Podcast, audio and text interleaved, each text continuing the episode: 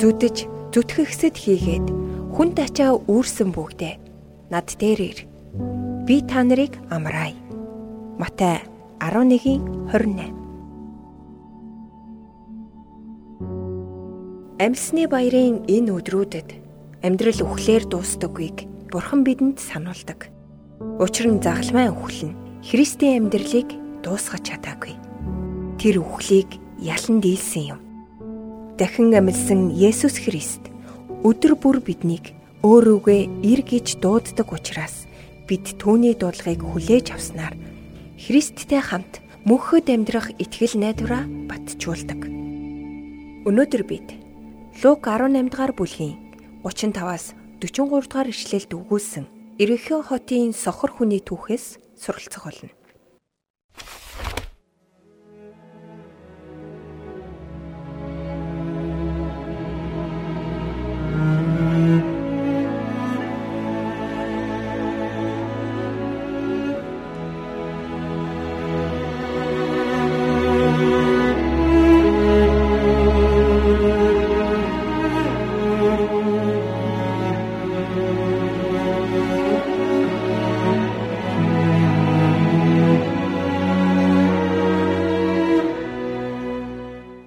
Өрөөд ойртон ирэх үед нэгэн сохор хүн гуйлгагүй замын хажууд сууж байв.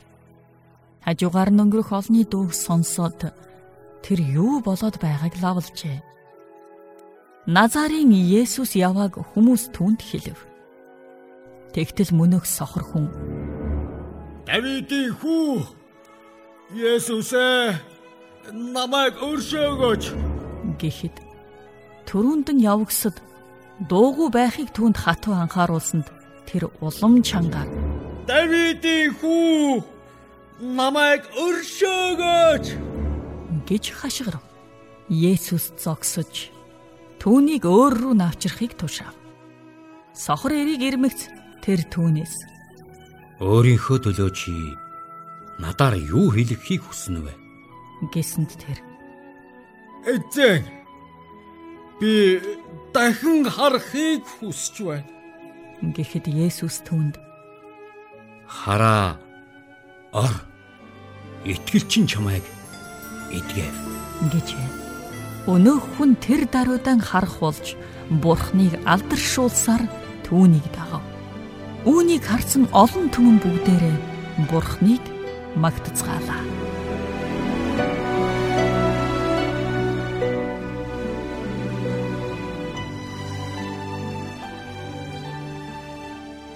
Есүсийг Иерихон хотод ойртож ирэх үед маш олон хүмүүс түүнийг дагж исэн тухай Библиэлд бичигдсэн байдаг. Дагах боломжтой хүмүүс нь бүгдээрээ дагаа явжсэн гэсэн үг болж байгаа юм л да. А гэтэл тэр хотод Есүсийг ирээд ойртож ирж байгааг мэдж байгаа боловч Есүсийг дагах боломжгүй, Есүсийг номлож байгаа газар очих боломжгүй, түүнтэй уулзах боломжгүй нэгэн хүн замын хажуу суужсэн байна.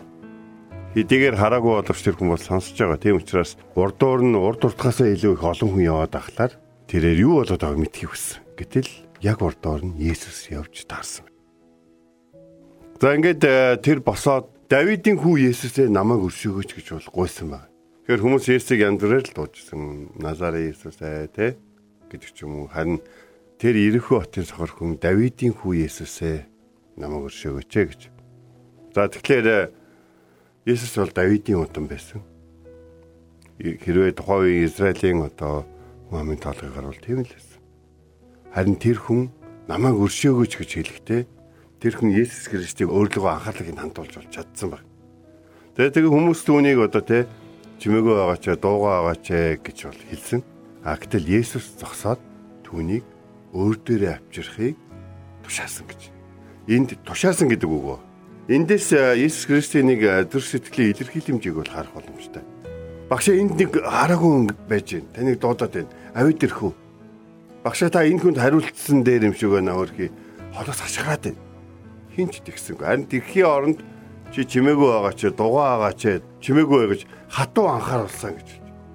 Харин Есүс тэднэрт хараагүй үнийг өөр дээр нь авчрахыг тушаасан байна. Хүмүүс бидний төр сэтгэл хатуурах үед бид өөрсдөө ч бурхнаас алдаад зогсохгүй босод хүмүүсийг ч бурхан руу ойртуулахгүй амьдралын юм. Одоо тийм цаг хугацаанд бол орчдөг. Яг тийм болсон хүмүүс Есүстэй өөрөө өөртөө хамтаа байвал болооч гэж одоо хаваач бодоогүй л ахalta. Тэгтэл тэд нэр хараагүй үнийг дугаавэ гэж зандарсан байна. Харин Есүс түүнийг өөр дээр авчиргад тушаагаад тэр ирийг урдаа ирээд зогсон багц. Өөрийнхөө төлөө юу хийлэхийг надаас хүсэж байна гэж асуусан. Энэ дэлхий дээр Иесусийн ирсэн шалтгаан нь хүн төрлөختнийг аварж энэ дэлхий дээр бурхан эцэгтэй уулзахыг хүсээд гимшихийг хүсэж байгаа хүн болгоны төлөө ирсэн ба. Гимшихийг хүсэж байгаа хүн болгоны төлөө ирсэн болохоос ш Есүс хараатай хүмүүсийн төлөө, ийм хүмүүсийн төлөө, баян хүмүүсийн төлөө гээв.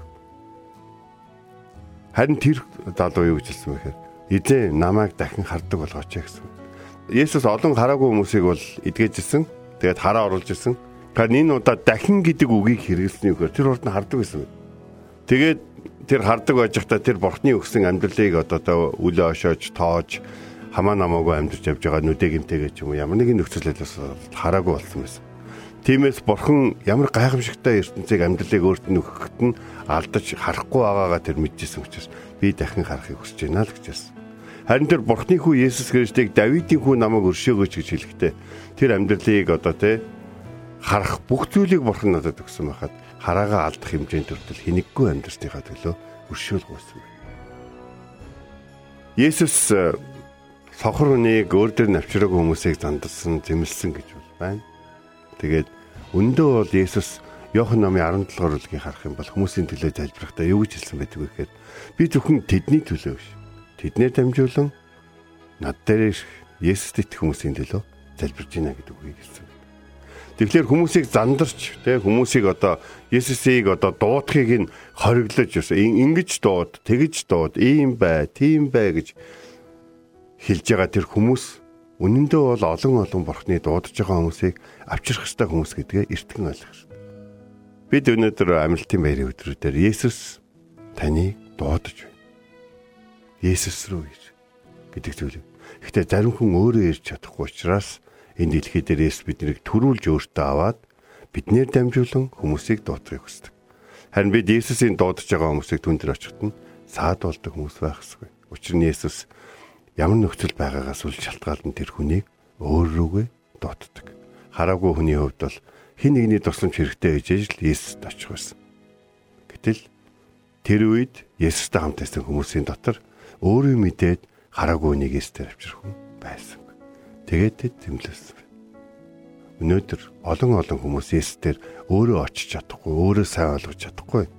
Тийм учраас Христэд итгэгчид бидний тусламж Бурхны хаанчлалд хэлэхэд хэрэгтэй байгаа юм.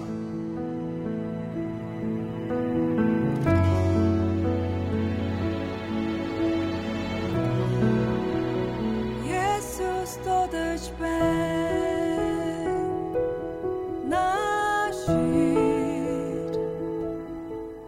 хүн дача